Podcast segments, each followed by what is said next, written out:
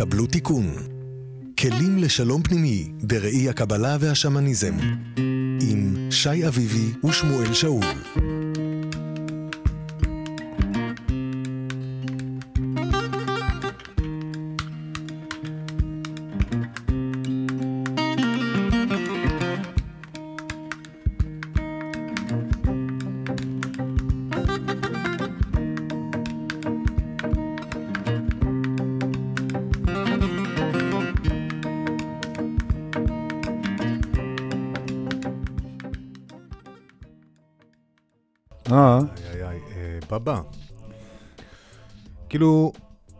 פעם אני מוצא אותך ממלמל, שואל אותך כל מיני שאלות וזה, ואני מוצא אותך ממלמל אה, אה, 160, וכזה 160, תראה איזה יופי. אה, כן. אה, אהבה זה ככה, ואחד זה ככה, וההוא זה זה, וזה זה זה, וזה כל התרגילי אה, בבא בובה. בבא שאתה בובה, כן. ממלחמת המפרץ, אה, הגימסטריסט המפורסם מוני מושונוב. אז זהו, השאלה היא אם זה ב... באמת סוג של שעשוע, העניין הזה של גימטריה, או שמסתתרת אה, מאחוריה אה, חוכמה עמוקה, שבה לא רק שאתה כותב טקסט מדהים, אלא שיש מאחוריו גם איזה אחורי קלעים אה, מתוחכמים להפליא של אה, אה, ערכים מספריים. וגם שהם צריכים להגיד כל מיני דברים, זה לא שסתם זה שווה 300 וזה שווה 300. אז בוא נעשה קודם כל איזה סדר מסוים. כי אוקיי. זה נושא מאוד מעניין ואני מאוד אוהב אותו. בגלל זה אנחנו. מדברים עליו היום, בבא, אחרי ששבועות אנחנו מדברים על רק רגשות, וזה סוף סוף הגענו לאיזה... לא, לא, גם נגיע בסופו של דבר גם פה לרגשות ולכו. אה, כולנו יודעים שסמלים הם מאוד שימושיים בהרבה מאוד תרבויות, ובוודאי בעולם הרוח. נכון? הסמל המפורסם ביותר, מגן דוד, אוקיי. תן רק איזה סוגריים קטנים על הדבר הזה, סמל. מה זה סמל, אם אני מתחיל אז זהו, אז אני מאלף? נותן אוקיי. עכשיו, כאילו, זה מה שאני אומר. מגן דוד, אתה יודע שאנחנו קוראים לו Star of David, בכל מיני תרבויות אפילו קוראים לו Star of David, גם, גם אם הוא לא קשור, הם לא קשורים לדיוויד, אז קוראים לו Star of David. ואז יש את הקטע הזה שאנשים מסתכלים על הסמל ומפרשים אותו. לדוגמה, אצלנו מגן דוד מתאר דיאלוג כפול בין האדמה לשמיים. קודקוד אחד, כאילו של המשולש יש למעלה למעלה. נקודה אחת למעלה, והיא בורטת כל העולם, זה המשולש העומד, ואנחנו פה קטנים למטה ומסתכלים על האין סוף שלמעלה, שזה המשולש ההפוך. עוד דיאלוג בין שמיים וארץ, יש לו כיוון אחד מלמעלה למטה, וכיוון אחר שהוא מלמטה למעלה. זאת אומרת, אז אנחנו אומרים, מגן דוד, זה פירוש מסוים בקבלה. אבל עדיין רק אם רגע, אפשר. שנייה, אוקיי, שנייה. כן. או לחילופין אומרים, בקבלה יש את אילן הספירות, והספירה התחתונה היא ספירת מלכות, שמי שמייצג אותה זה דוד. ומעל ספירת מלכות יש את אה, עולם היצירה שיש לו שש ספירות. והשש ספירות האלה יוצרים את השני משולשים האלה. ועל מי הם מגינים? הם מגינים על ספירת מלכות. לכן אומרים, זה מגן, על, על מה הוא דוד. מגן? הוא מגן על דוד, זה מקור השם. Mm. זה לא מגן של קרב שדוד נלחם איתו, וזה היה המגן שלו, ולכן קראו לו מגן דוד. הרסת לי תחפושת פורים הבאה, בבא. אה, לא, ההפך, אולי תעשה יצירתית חדשה. השם המקורי זה שהשש ספירות של עולם היצירה מגינים על הספירה של עולם העשייה, שזה מלכות דוד, וזה נקרא מגן דוד. וואלה. עכשיו, אתה בא להודו ואתה רואה את אותו סמל, ובהודו אומרים לך, אה, זה המשולש העומד, זה ברמה, וישנו ושיבה, והמשולש ההפוך זה הקונסורט, זה בנות הלוויה שלהם, שזה לקשמי, סרווסוותי ופרוותי, כן? אז ש- שני פירושים שונים לגמרי. אז מה זה בעצם סמל? שאלת מה זה סמל. כן. סמל הוא בעצם איזה סוג מסוים של קוד, שאם אני עובר דרכו, אני מגיע למרחב שיש בו אור. אור, במובן, ידע, ידע, הבנה, הבנה, חוכמה, מפה. שהסמל הוא מפה, הסמל לא, הסמל הוא הסמל הוא קוד, מפתח למפה. הוא קוד שמאחוריו יכול להיות אור, שהוא, או שהוא יהיה מפה, או שהוא יהיה אור עצמו. אה, או שהוא אה, יביא איתו סוג מסוים של אה, חיבור, או סוג מסוים של שער, וכו' וכו' וכו'. אבל המקור הזה של הסמל הוא, הוא, הוא כאילו, הוא אומנותי? כאילו מישהו אומר, איך נתאר את היחסים בין שמיים וארץ? אה, נעשה משולש כזה ומשולש כזה? או שיש לו איזה מקור uh, תת-מודע עמוק, לא אנושי, אני אגיד. לא של, לא של אומנות, יעני. אז אני חושב שזה, הבהרת לגמרי, וזו שאלה, ואנחנו מפה גם נגיע גם לגימטריה. Mm-hmm. זאת אומרת, הסמל עצמו הוא סוג מסוים של קוד שקיים בבריאה, שהוא בין הנברא לבורא. זאת אומרת, הבורא במסגרת זה שהוא ברא את הבריאה, הוא ברא את הבריאה גם כעולם שהוא כולו סמלי. ובתוך העולם הזה שהוא כולו סמלי, הוא נתן לנו את האפשרות להשתמש בו. אנחנו פחות משתמשים בו כי אנחנו היום עובדים הרבה עם מוח שמאל, ובשביל להבין סמלים צריך לעבוד עם מוח ימין. זה סוג מסוים אחר של תפיסה. גם כשאני אומר, אה, מגן דוד זה אה, זה משולש אחד כזה ומשולש אחד כזה, זה עדיין מוח שמאל, כי זה הרציו שמנסה להבין את הסמל. Okay. אוקיי. המוח הימני לא צריך להבין את הסמל, הוא יודע, הוא עובר דרכו. והוא לא המצאה של מוח שמאל, הסמל הזה? אתה אומר שהוא כי לא, הוא קיים בבריאה... הוא קיים, הוא קודים שקיימים בבריאה. כאחד ו... מהליירים שלה הוא ברור כ... כן. אחד הליירים שלה הוא ברור כסמל. כן, זאת אומרת, דוגמה... כסמלים.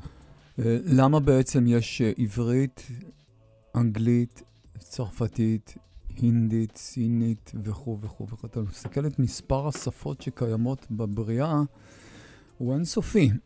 ברובד מסוים אתה יכול להגיד, זה לא רעיון מוצלח. כן, כי... אבל יש לזה נגיד שורשים היסטוריים של התפתחות מזה התפתח מזה, אלה ישבו עם עצמם, אה, לא דיברו עם אף אחד, אלה קשקשו בלשון. כאילו, יש לזה גם הסברים אה, פיזיים, אני, אני אגיד. אתה חייב שיהיה לזה הסבר פיזי, mm-hmm. כי גם הבריאה עצמה היא בסוף... לבריאה עצמה צריך להיות הסבר פיזי. נכון? כן. בורא עולם בורא נגיד מנומקת. את העולם. הוא בורא את העולם, אבל אם הוא בורא את העולם גם פיזית, אז צריכה להיות לזה גם איזו התפתחות פיזית. זאת אומרת, הפיזי לא סותר את זה שזה בא מלמעלה, אלא הוא ההפך, מגשים את זה שזה בא מלמעלה. זאת אומרת, גם אם אתה עכשיו יש לך איזה רעיון רוחני לעשות מסע מדהים בדרום אמריקה, נגיד. אז אם אתה רוצה בסופו של דבר לברוא את הרעיון הזה, אתה בסופו של דבר צריך לעלות על המטוס ולנסוע לדרום אמריקה. זאת אומרת, זה שיש לזה התפתחות או קונוטציה חברתית ותרבותית, זה לא סותר את זה שיש לזה איזה עומק פנימי. באיזה בריאה רוחנית, כאילו. בריאה רוחנית, לא כן. כאילו, יש בריאה רוחנית ואז המימוש הפיזי של ה... לגמרי, ועכשיו כל תרבות לקחה לעצמה בקונוטציה הזאת את המערך שלה לתאר את מגוון נכויות הבריאה. רוב התרבויות בחרו בדמויות אלוהיות, אנחנו מתבלבלים בין אלוהים ודמות אלוהית. לדוגמה, בהודו שיבה הוא לא גוד, הוא דייטי, הוא דמות אלוהית. למה? כי אנחנו הרבה פעמים אומרים, אה, הם אלילים, הם עובדים את... אה, זה האל שיבה וזה האל זה וזה האל זה. לא, הם לא אלוהים, הם יצ... מייצגים... הם סמלים. ס... כן. במה ש... נוכחויות, בוא okay. אוקיי. נגיד, נוכחויות. בוא נעשה איזו הפסקה קטנה ו... ו... ואחרי זה נמשיך. סבבה.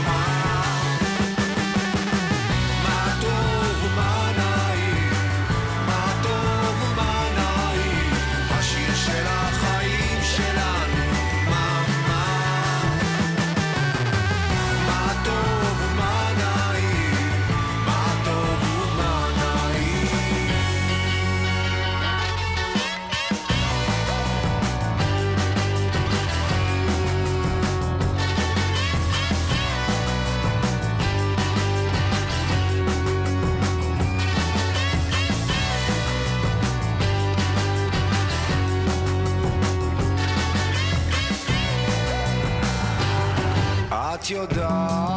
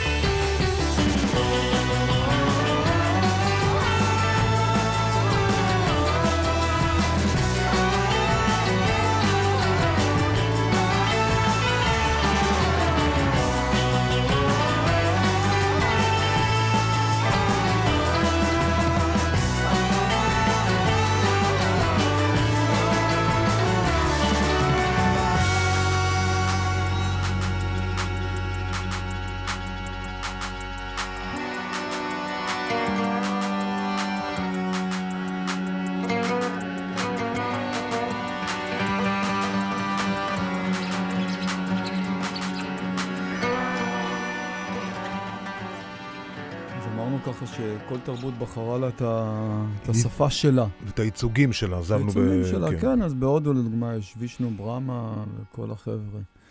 במצרים הנוכחויות האלוליות היו איזיס, אוזיריס, סט, ו... ואצלנו בחרו במשהו שהוא מופשט.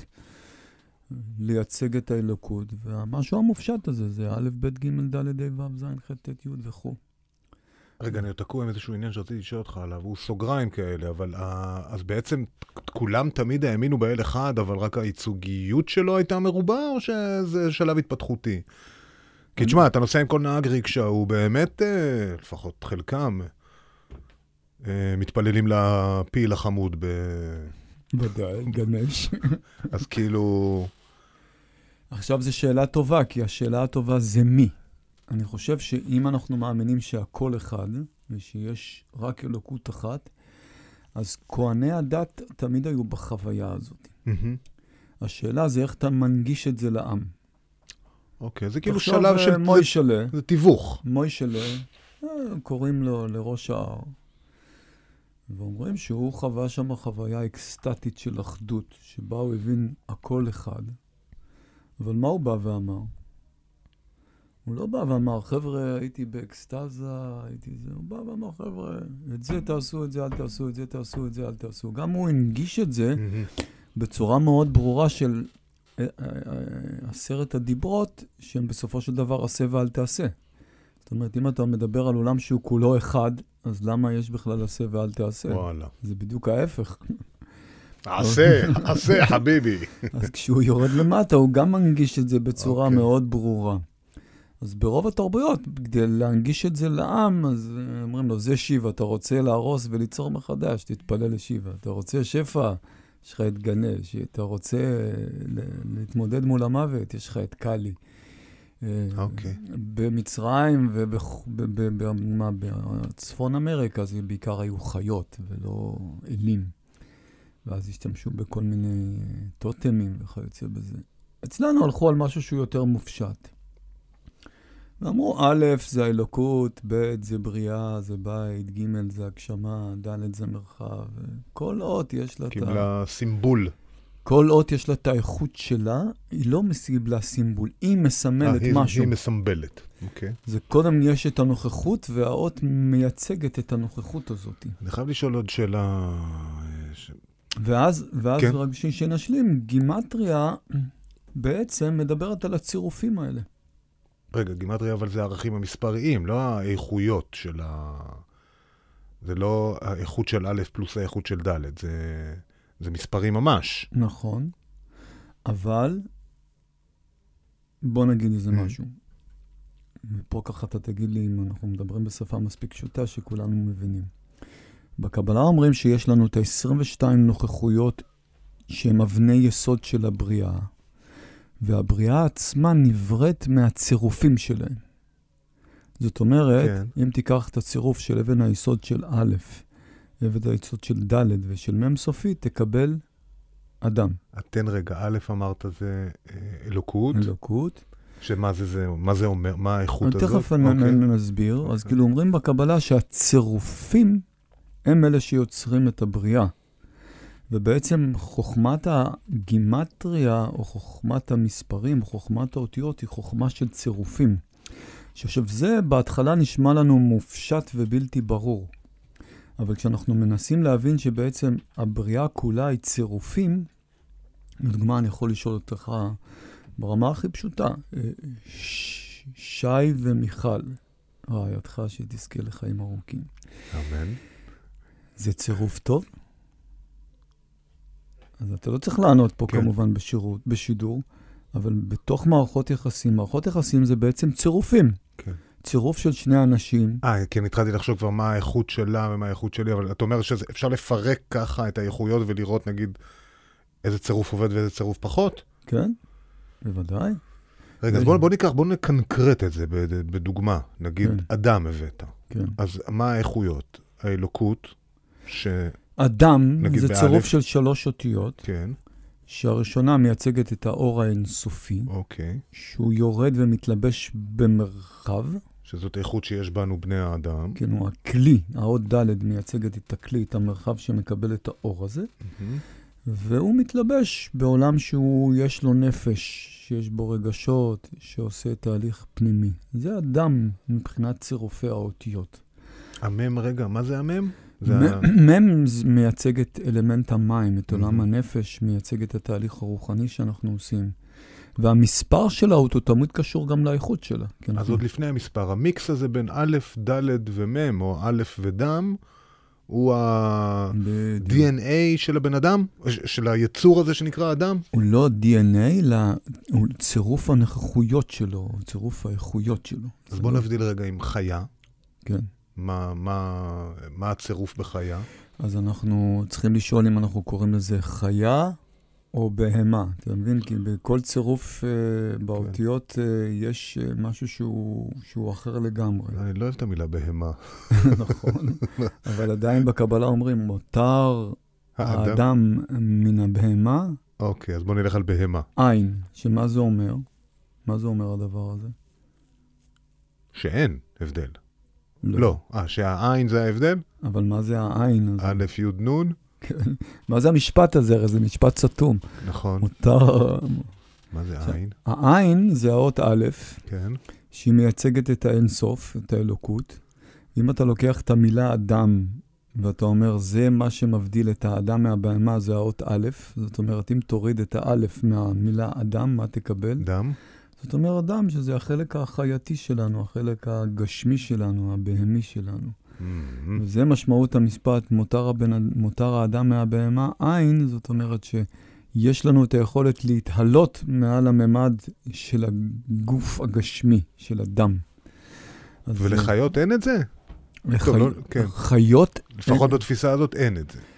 לפי, אני חושב, בכל תפיסה, חיה היא תהיה תמיד מה שהיא. אין לה את היכולת להתעלות מעל מה שהיא. זאת אומרת, חתול תמיד יהיה חתול, וזהו, וזה טוב. זאת אומרת, הוא לא יכול לחרוג מעצמו, הוא תמיד יהיה ההוויה שלו כמות שהוא, מהמם. מבלי לצמצם אותה. זאת אומרת, כן, כי זה וואחד הוויה. זה וואחד הוויה. אנחנו יכולים להיות לא אדם, אנחנו. יכולים להתעלות מעל הדבר הזה שאנחנו. לצערנו הרב, אנחנו יכולים להתעלות וגם לרדת. לא רק להתעלות. בעיקר רוצים להתיירד. תחשוב כמה אנחנו משתדלים להרוג אחד את השני, אז זה, לא רק להתעלות. זה, כן. זה, דרך אגב, אין כזה דבר בטבע. מה? שחיה קוטלת את בני מינה. כן, לא, גם בטח שלא לצורך כמו שאנחנו עושים, אבל כן. בוא, בוא נשחרר את זה, כי זה כיוון אה, מבאס. אז, אז ה- הכלי הזה של האיכויות, א', הוא יכול להעיד על הברור, נכון? או על ה... מה- מה האיכויות שהביאו לעץ, לבהמה, לאדם, לאדמה, לווטאבר. ומצד שני, לא מצד שני, ובתור תוספת אפשר לעשות גם את ה... אה, משחקים בין הצירופים. כאילו, מה ההבדל בין זה לזה? מה דומה בין זה להוא? בוודאי, בוודאי, בוודאי. טוב, טיפה, אני, אני נשמע כאילו אני מבין משהו, אבל זה טיפה מסובך, כן? לא, אבל אתה יודע, כאילו, אחד המשחקים שמדגימים בגימטריה שהיא נחמדה, אז אומרים, בשביל להביא אדם לעולם, מה צריך לעשות? זאת אומרת, צריך אב כן, ואם, נכון? אחרת לא יהיה ילד. כן, עכשיו, בגימטריה אב כמה זה? זה שלוש. כן. ואם, אה, 41. ביחד זה 44. שזה נותן את הגימטריה דם. אז אומרים, אב ואם זה לא מספיק, אתה צריך שתרד גם. רוח הקודש, זה הנשמה שיורדת מלמעלה. עכשיו, אז זה לא פעלולים כאלה, אבל מה שאתה עושה? אז נדבר על זה אחרי המוזיקה. בסדר.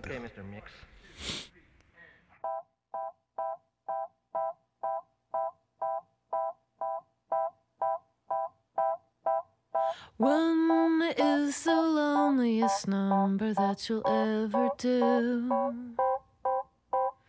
Two can be as bad as one. It's the loneliest number since the number one.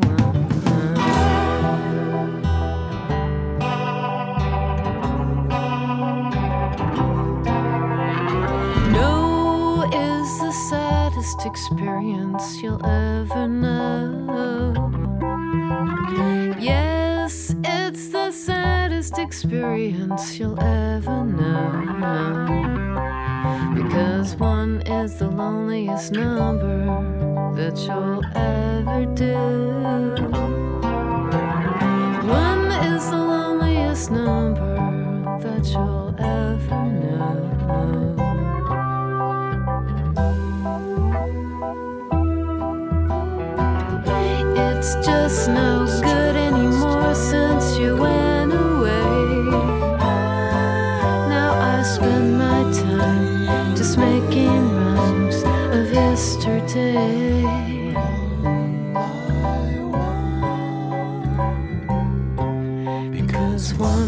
the loneliest number that you'll ever do.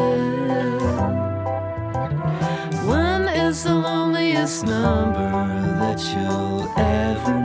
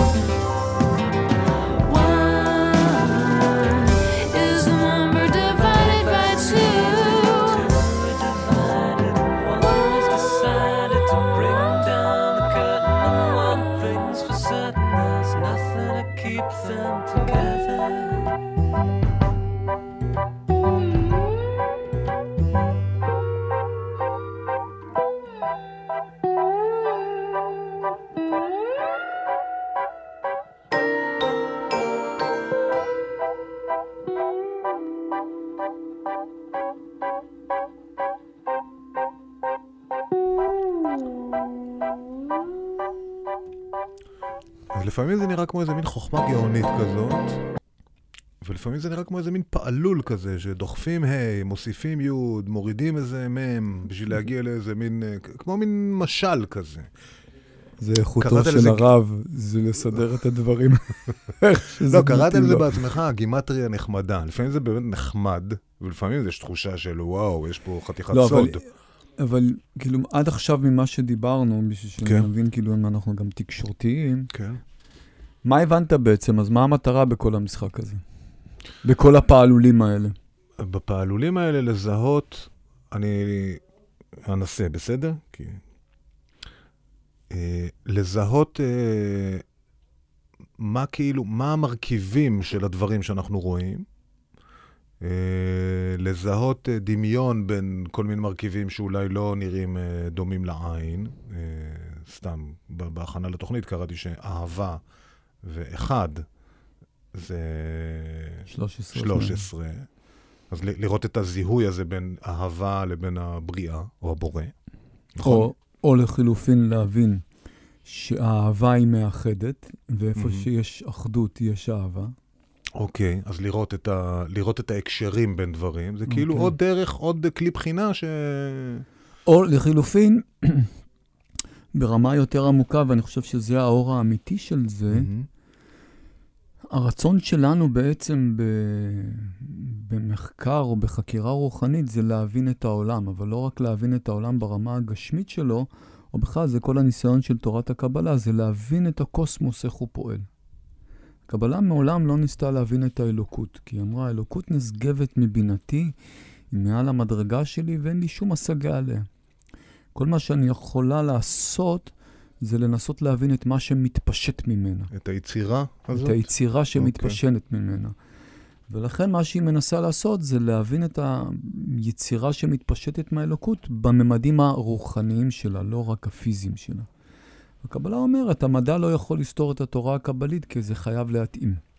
בסופו של דבר הכל Mm. צריך להיות בהרמוניה. ולכן אומרים, אם תיקחו את העניין הזה של עשר ספירות ותכניסו את זה לפיזיקה, תראו שזה עובד. אם תיקחו איזה משהו פיזי ותיקחו אותו ותשוו אותו לחוקים הרוחניים הקבליים, זה חייב להיות באיזה סוג מסוים של הרמוניה. זה עוד מבט על זה, זה לא אה, פרשנות אחרת, אלא עוד, זה עוד לייר, פשוט כן, להסתכל. לא, הקבלה פשוט, לא, אבל- באה, הקבלה לא באה עם איזו גישה פילוסופית, ההפך, אנחנו קוראים לה פילוסופיה, אבל היא, היא בעצם חקר האלוקות, חקר הבריאה. כמו שהחקר הפיזיקלי הוא חקר הבריאה. כן, אבל בממד הפיזי שלו. מהמם. תן עוד דוגמה רק כדי שאני אוכל רגע, לתת בזה ביס. עכשיו, אם אנחנו מבינים טוב את מה שאמרנו קודם, שכל תרבות בחרה סוג מסוים של שפה לתאר את הבריאה, אז השימוש באותיות ובמספרים, או במפות או בצירופים שהאותיות אה, נותנים לנו, עוזר לנו בעצם להבין את הבריאה.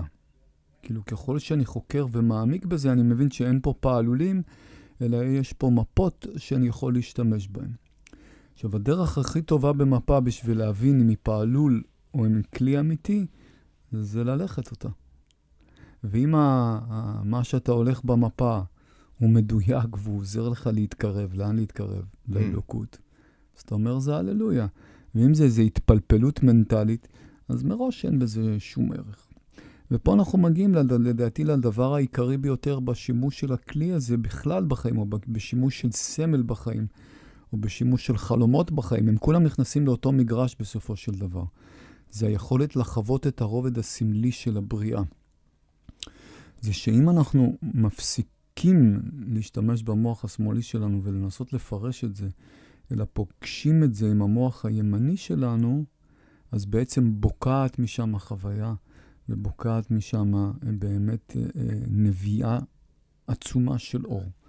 ואני יכול ככה להעיד את זה על עצמי, זה שכשאני משתמש בגימטריה בתוך חיי, זה לא איזה הבנות מנטליות שאני מגיע אליהן, אלא זה ממש חוויות שיש בהן רגשות, אם דיברנו על עולם. הנפש, ויש בהן הרחבה של תודעה, ויש שם ממש אור שבוקע, ואני אפילו יכול לתת אה, סיפורים קונקרטיים על העניין אז, הזה. אז אני אשמח, אבל רק בשביל להבין את ההבדל. נגיד, אני אומר עכשיו אחד ואהבה שווים, כן. אנחנו מפרשים את הפירושים של זה, ואני לא חווה את זה כרגע. זאת אומרת, זה רק אומר לי, אתה יכול להיכנס בשער הזה של החוויה של אהבה היא אחד, היא אחדות, או שהאלוהות היא נכון, אז מה אהבה. שעשית עכשיו, אבל כאילו כרגע זה רק במישור המוח שלי. יש לי איזה מפה, כן. שהמפה אומרת לי, איפה שיש אהבה, יש אחדות, ואיפה שיש אחדות, יש אוקיי. אהבה, או אהבה מביאה אחדות, לא והאחדות הלך- מביאה אהבה. עוד לא הלכת את המפה כן, הזאת. הסתכלתי על מפת פריז, אני אומר, אחלה עיר, אבל לא נסעתי לשם. בדיוק. אבל לדוגמה, עכשיו אתה אומר, אוקיי, אז אני רוצה להגיע לאחדות. אתה אומר, רגע, אבל לאחדות אני לא יודע איך אני אגיע. אבל אתה אומר, המפה אומרת לי, אם אני אגיע לאהבה, ללא תנאי, אז אני אהיה גם באחדות. אז אני אומר, אוקיי, אז אני הולך בדרך האהבה. ואני עכשיו מגיע, היה לך רגעים בעולם שהרגשת שאתה אוהב את כל העולם. כשהייתי לבד. לא, עזוב, עזוב, ברצינות. יש כל אחד את הרגעים האלה שאתה יוצא ואתה אומר, וואו, יש לך אהבה לכל העולם. היו לגמרי. אז באותו רגע אתה בעצם אחד עם כולם, כאילו, אתה יכול לחבק את כל העולם. כן. תשמע, נסעת היום ברכבת. אז זה, פה. זה נקרא להשתמש במפה. זה כבר לא, ואז אתה אומר, כן, אה, זה לא רק מפה, אלא הלכתי אותה. אז נסעתי היום ברכבת. יאללה.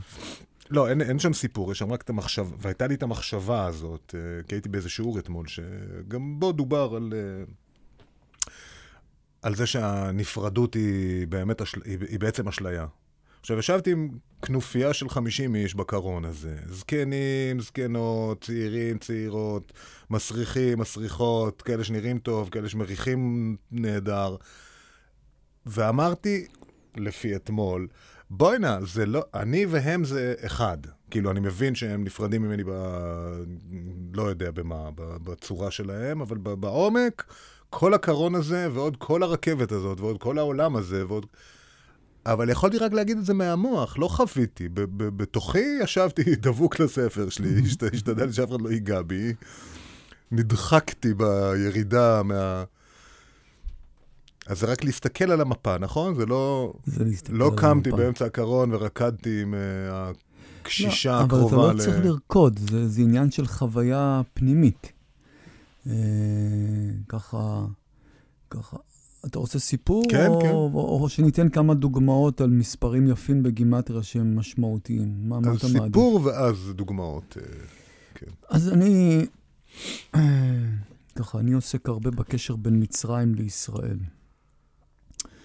ואני בכלל מרגיש שיש לנו שורשים עמוקים במצרים. במקום לברוח כל הזמן ולצאת ממצרים ולהכות במצרים, אנחנו צריכים להתחבר לשורשים המצריים שלנו.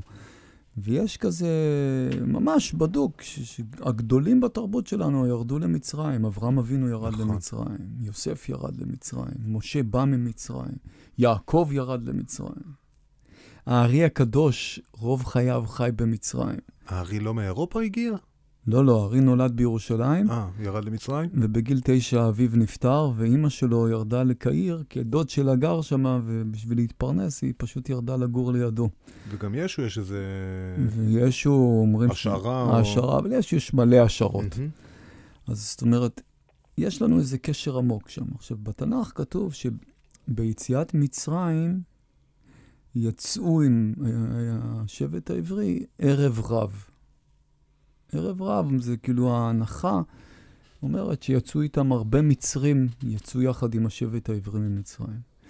ואני עסוק הרבה בערב רב הזה, כי אני מרגיש שאני הייתי חלק ממנו. זאת אומרת, שהייתי מצרי, ש- שיצאתי לדור המדבר עם הערב רב הזה. עכשיו, ערב רב בגימטריה זה 474. עכשיו, יום אחד הייתי עם קבוצה בתל אל-אמרנה. תל אל-אמרנה זה המקום שבו במצרים אחנתון ניסה להביא את הדת המונותאיסטית פעם ראשונה בהיסטוריה למצרים, עוד לפני משה.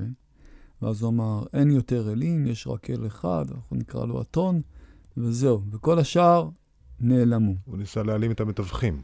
כן, בדיוק ככה. הוא לא יודע שהמתווכים שולטים פה ב... ב- הוא באמת לא הצליח, הוא אה? לא ידע, הוא לא ידע. הוא לא שמע את ההשגה שלך. ולא חשוב, יש איזה קשר עמוק בין מה שאחנתון ניסה להביא ומה שאחרי זה משה ניסה להביא. ולכן אני קשור למקום הזה, לתל אל-אמרן, אני מרגיש שיש בו אור גדול. עוד פעם, שזאת הייתה אה, הבירה החדשה של אחנתון. כן, כאילו, הוא... אה, בדיוק, זה היה הקנטון, הקקטון אה, נקרא אז. בתקופה הזאת. היום זה ביישוב ערבי שלידו העתיקות, היישוב הערבי נקרא תל אל-אמרנה. וירדנו לשם על הקברים, וככה, אני בא לשם, אני מסתכל על ערב רב ועל הגימטריה 474, שזה הגימטריה של ערב רב. וככה אני מסתכל על הגימטריה, ואני מסתכל על המספר, ופתאום מתחילים לבוא לי צירופים. עכשיו, זה לא משהו שאני חושב ומחפש צירופים, אלא באים אליי צירופים. אוקיי. ולדוגמה, אחד הצירופים שמגיע זה היה, שזה השם הכי גבוה של האלוקות. שזה 474? לא, אוקיי. היה הוא אמת. אז ביחד כל הצירוף הזה זה 474. ומגיעים עוד צירופים עד שמגיע המילה דעת, ספירת דעת. שספירת דעת בצ... בקבלה זה הספירה שמחברת בין העולמות העליונים לעולמות התחתונים, כי היא יושבת פה, בצוואר, בגזע המוח. וספירת דעת יש לה גם גימטיה 474.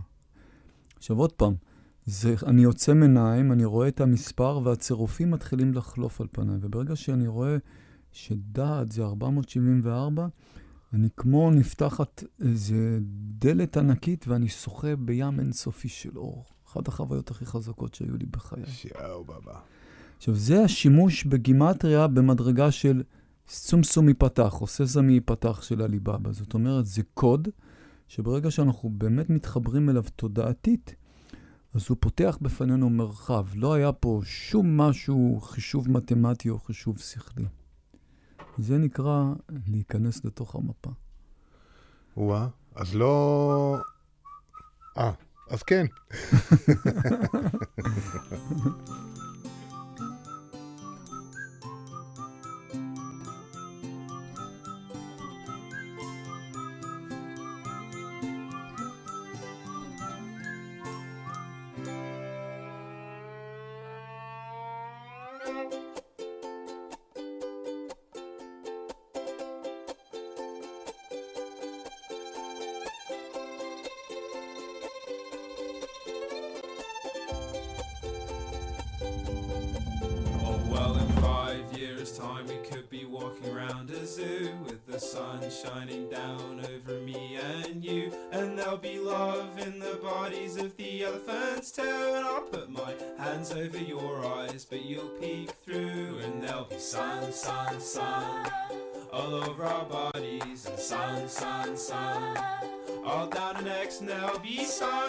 sun, all over our faces, and sun, sun, sun. So what the heck, cause I'll be laughing at all of your silly little jokes and we'll be laughing about how we used to smoke all those stupid little cigarettes and drink stupid wine cause it's what we needed to have a good time. But it was fun, fun, fun. When we were drinking, it was fun, fun, fun. When we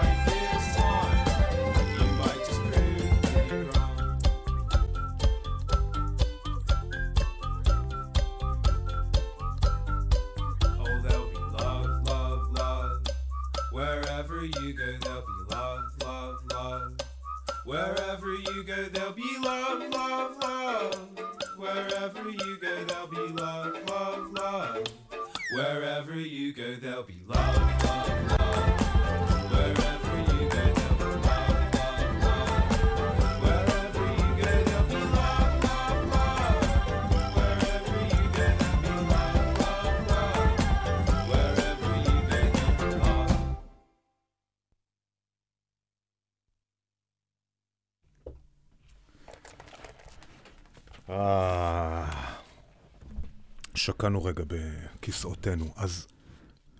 טוב, אני לא זוכר איפה אה, עזבנו. עזבנו בזה שבעצם אם אתה מתחבר לצירופים האלה ממקום תודעתי, אז בעצם הם מושכים אור, זה לא איזה פירושים שכליים כמו שאנחנו נוטים לחשוב. כן, לא ישבת עם אה, מחשב בתל אל אמרנה ואמרת, אה, תראה איזה יופי זה מתחבר לזה. אה, פשוט חו... נכנסת בשער וחווית. לגמרי, כן. עכשיו, זאת אומרת, זה כמו קודים, דיברנו קודם קודים, כלומר, יש... אה, יש לך שאלות או שנגיד שני לא, לא, קודים? תן, שני רגע. קודים יפים בקבלה, מפורסמים מאוד. זה אחד מהם שזה באמת ברמה מדהימה, זה שבפיזיקה, במדע הפיזי, ניסו לחשב את היחס בין מהירות האור למהירות החומר. מה זה מהירות החומר? מהירות החומר, לחומר יש מהירות, נכון? אז החומר המהיר ביותר זה האלקטרון של מימן, אוקיי, ומהירות האור זה המהירות של הפוטונים של האור, טוב, לא... וגילו שהיחס הוא 137. כאילו, מהירות האור, פי 137 ממהירות. הפוטון, ממהירות ה...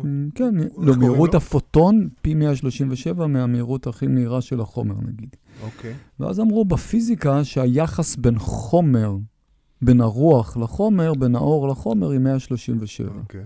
עכשיו, נו, תמשיך אתה. מה זה 137? 167 זה קבלה. לא, זאת אומרת, תורת הקבלה זה היחס נראה לי. בין מהירות האור לחומר. עכשיו, נראה לי 137 שחגג- חגגו בסניפים, לא? לא, זה המספר הכי מטורף, כי יש, אה, יש ממש, אה, שמעתי הרצאה של פרופסור באוניברסיטת בר אילן, שלוש שעות על המספר 137 בתנ"ך. שזה מספר מטורף בתנ"ך. רגע, קבלה 137? ק- כמה זה? 100, אה, והיתר 37? בית למד, אה, בדוק, כאילו, אוקיי. כל מה שאנחנו אומרים פה בדוק, אתם יכולים לחשב לא, אחר כך. לרגע התבלבלתי מה- מהתמונה של אנשי קבלה עומדים על הגגות ויורים לאוויר מרוב שמחה, יש! כמו החגיגות אצל האחים. לא, אבל אתה יודע, מה מייצג בתרבות אה, שלנו את האור? זה השם השם המפורש, י' ה' ו' ה', שזה מהמם. 26. ואת האדם, מה מייצג אברהם, שזה 248, והממוצע ביניהם הוא 28. רגע, 248 אני שול- ועוד שולף. 26 לחלק לשתיים. שולף את האייפון, בקיצור, זה 137. וואלה. זאת אומרת, כאילו, אתה לוקח את המספר הזה בתרבות העברית, הוא מספר מככב. מטורף. מ- מספר מטורף. מככב בכל מיני... וזה רק, אתה מבין שהגימטריות האלה הם זה אלפי שנים לפני שהמדע החליט שהיחס בין האור לחומר הוא 137. אז מה אתה אומר פה בעצם? שיש... טוב, שיש תכנון אלוהי... אני אומר שתורת הקבלה, שבעצם באה לנסות לחקור את הבריאה, כן. והשתמשת בחוכמת הצירופים, ומשתמשת גם באותיות ובגימטריה שלהם, כדי לתאר את המפה הזו, יש בה עומקים מאוד עמוקים שצריך ללכת אותם, זה מה שאני אומר. אבל-. לא ננסה להת, להתחבר למקום הפעלולי שלו.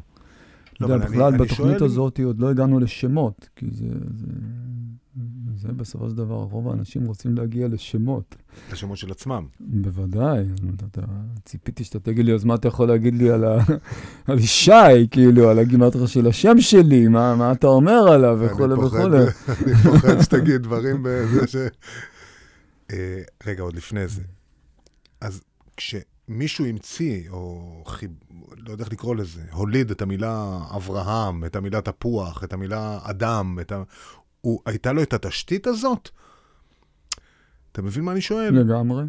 כאילו, המילה אדם לא נולדה במקרה, ב- המילה לא נולדה אבל יש את במקרה. כל המחקרים ההיסטוריים שאומרים ש...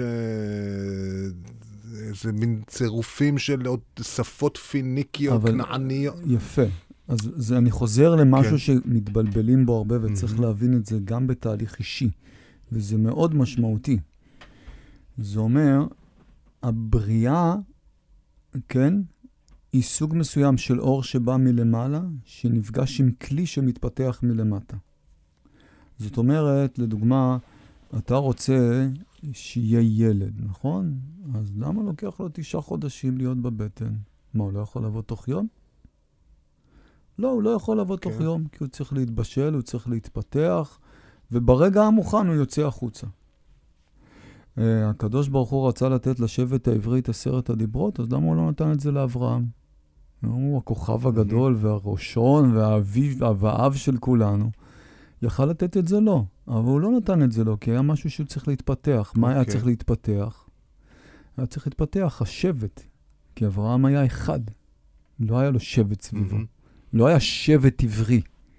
הוא בא לארץ חדשה, ולאט לאט לקח זמן שהשבט יתפתח. זאת אומרת, במקום הזה אני אומר פה משהו שהוא מאוד עמוק, תנסו להבין אותו עד הסוף. כשמגיע האור מלמעלה, הוא צריך לפגוש כלי שנמצא בעולם התחתון, ועל הכלי הזה צריך להיות בשל, יש לו תהליך של התפתחות. והסינכרוניזציה בין הזמן שבו הוא בא מלמעלה להתפתחות שקורית למטה, זה האומנות של הרוח. וגם האותיות העבריות, שלכל אות יש צורה, היו צריכות להתפתח. זאת אומרת, אז הם באו נגיד מארמית, או באו מכל מיני, הייתה להם איזו השפעה של שפות אחרות.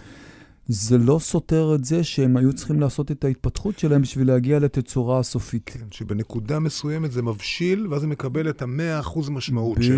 כאילו עד אז היה אפשר לראות ב- וזה 40 אחוז מהמשמעות, או וזה 40 בכל אחוז דבר מהצורה. בחיים כזה. אתה, דיברנו על זה שאתה מופיע היום, לדוגמה. כן, וזה- אז זה טיימינג. אז גם ההופעה שלך, היה לה איזו התפתחות מסוימת שהגיעה ליום הזה, ברגע הזה, ועם האור בשל, אז גם יבוא האור הזה. ואם לא, אז צריך לבדוק איך הסינכרוניזציה צריכה להיות יותר מדויקת. אבל תמיד יש סינכרוניזציה בין תנועה של העולם הגשמי והאור הרוחני שבא אליו. זה משהו שתמיד צריך להסתכל עליו. אחד המספר המדינות מהירדן לים שתיים מספר המדינות שיום אחד כאן שלוש שנים וארבע חודשים הוא הזמן שנתתי לצה"ל לא הייתי בקבע, הייתי בנחל חמישה שקלים עולה נסיעה באוטובוס עירוני בעצם חמש וחצי אבל השיר נכתב לפני כמה חודשים. הייתי בן שש שסדק בארץ, בן שבע שהם חתמו על ההסכמים, שמונה הוא המספר של אורי מנדיין שהוא בלי שום ספק גיבור ילדותי, תשע פעמים הייתי קרוב מדי לפיגוע לפחות נכון לעכשיו, עשר התשובה הכי ישראלית לשאלה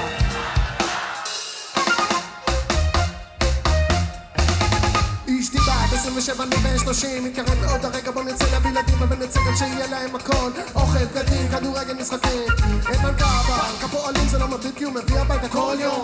29,816 שקלים. כל יום מן הלוואה חלקו את זה בשתיים, בחמש, בעשר זו עדיין משכורת חודשית יפה להיום. יסכימו אותי אלפי מפוטרי מפעלי הטקסטים בשבי הדרום. הצמיחה בישראל ב-2001 הייתה מינוס 0.6 אחוז. אנשים שהיו אתמול הייתה להם עבודה רואים עד פניה בפח וחושבים איזה ביג המשק הישראלי הוא החמור ביותר. ב-48 השנים האחרונות 48 מוכר לי המספר הזה, מאיפה לעזאזל? מוכר לי מאוד. ארבע חברות סלולר מתחרות על האוזן של 75% מהישראלים מנכ"ל סלקום הולך לבנק פעם בחודש מפקיד משכורת 374 אלף שקלים. יש רבע מיליון מובטלים. 36 אלף מהם נסקו השנה כנראה שאלי לוזון צודק שהוא שר גם אני כמו כל היהודים עסוק במספרים? 24 7 12 חודשים. גם אני כמו כל היהודים עסוק במספרים? 24 7 12 חודשים. גם אני כמו כל היהודים עסוק במספרים? 24 7 12 חודשים. גם אני כמו כל היהודים עסוק במספרים?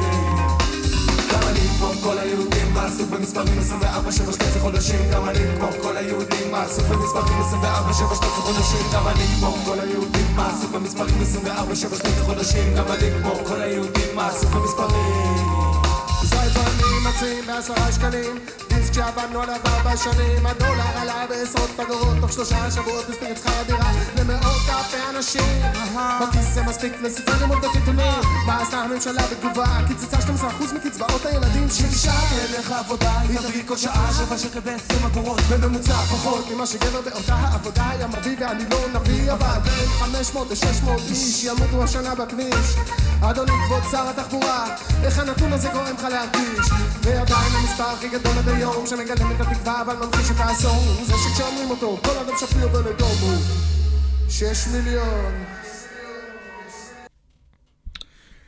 טוב, אנחנו לפני קינוח. כמה זה? קינוח בגימטריה? טעים. אז ננסה לסכם את מה שנגענו בו היום. אה, שלכל אה, צירוף אותיות, או לכל שם יש את האיכויות שלו, שמורכב מצירוף האותיות שלו, שלכל אות יש את האיכות שלה. כן.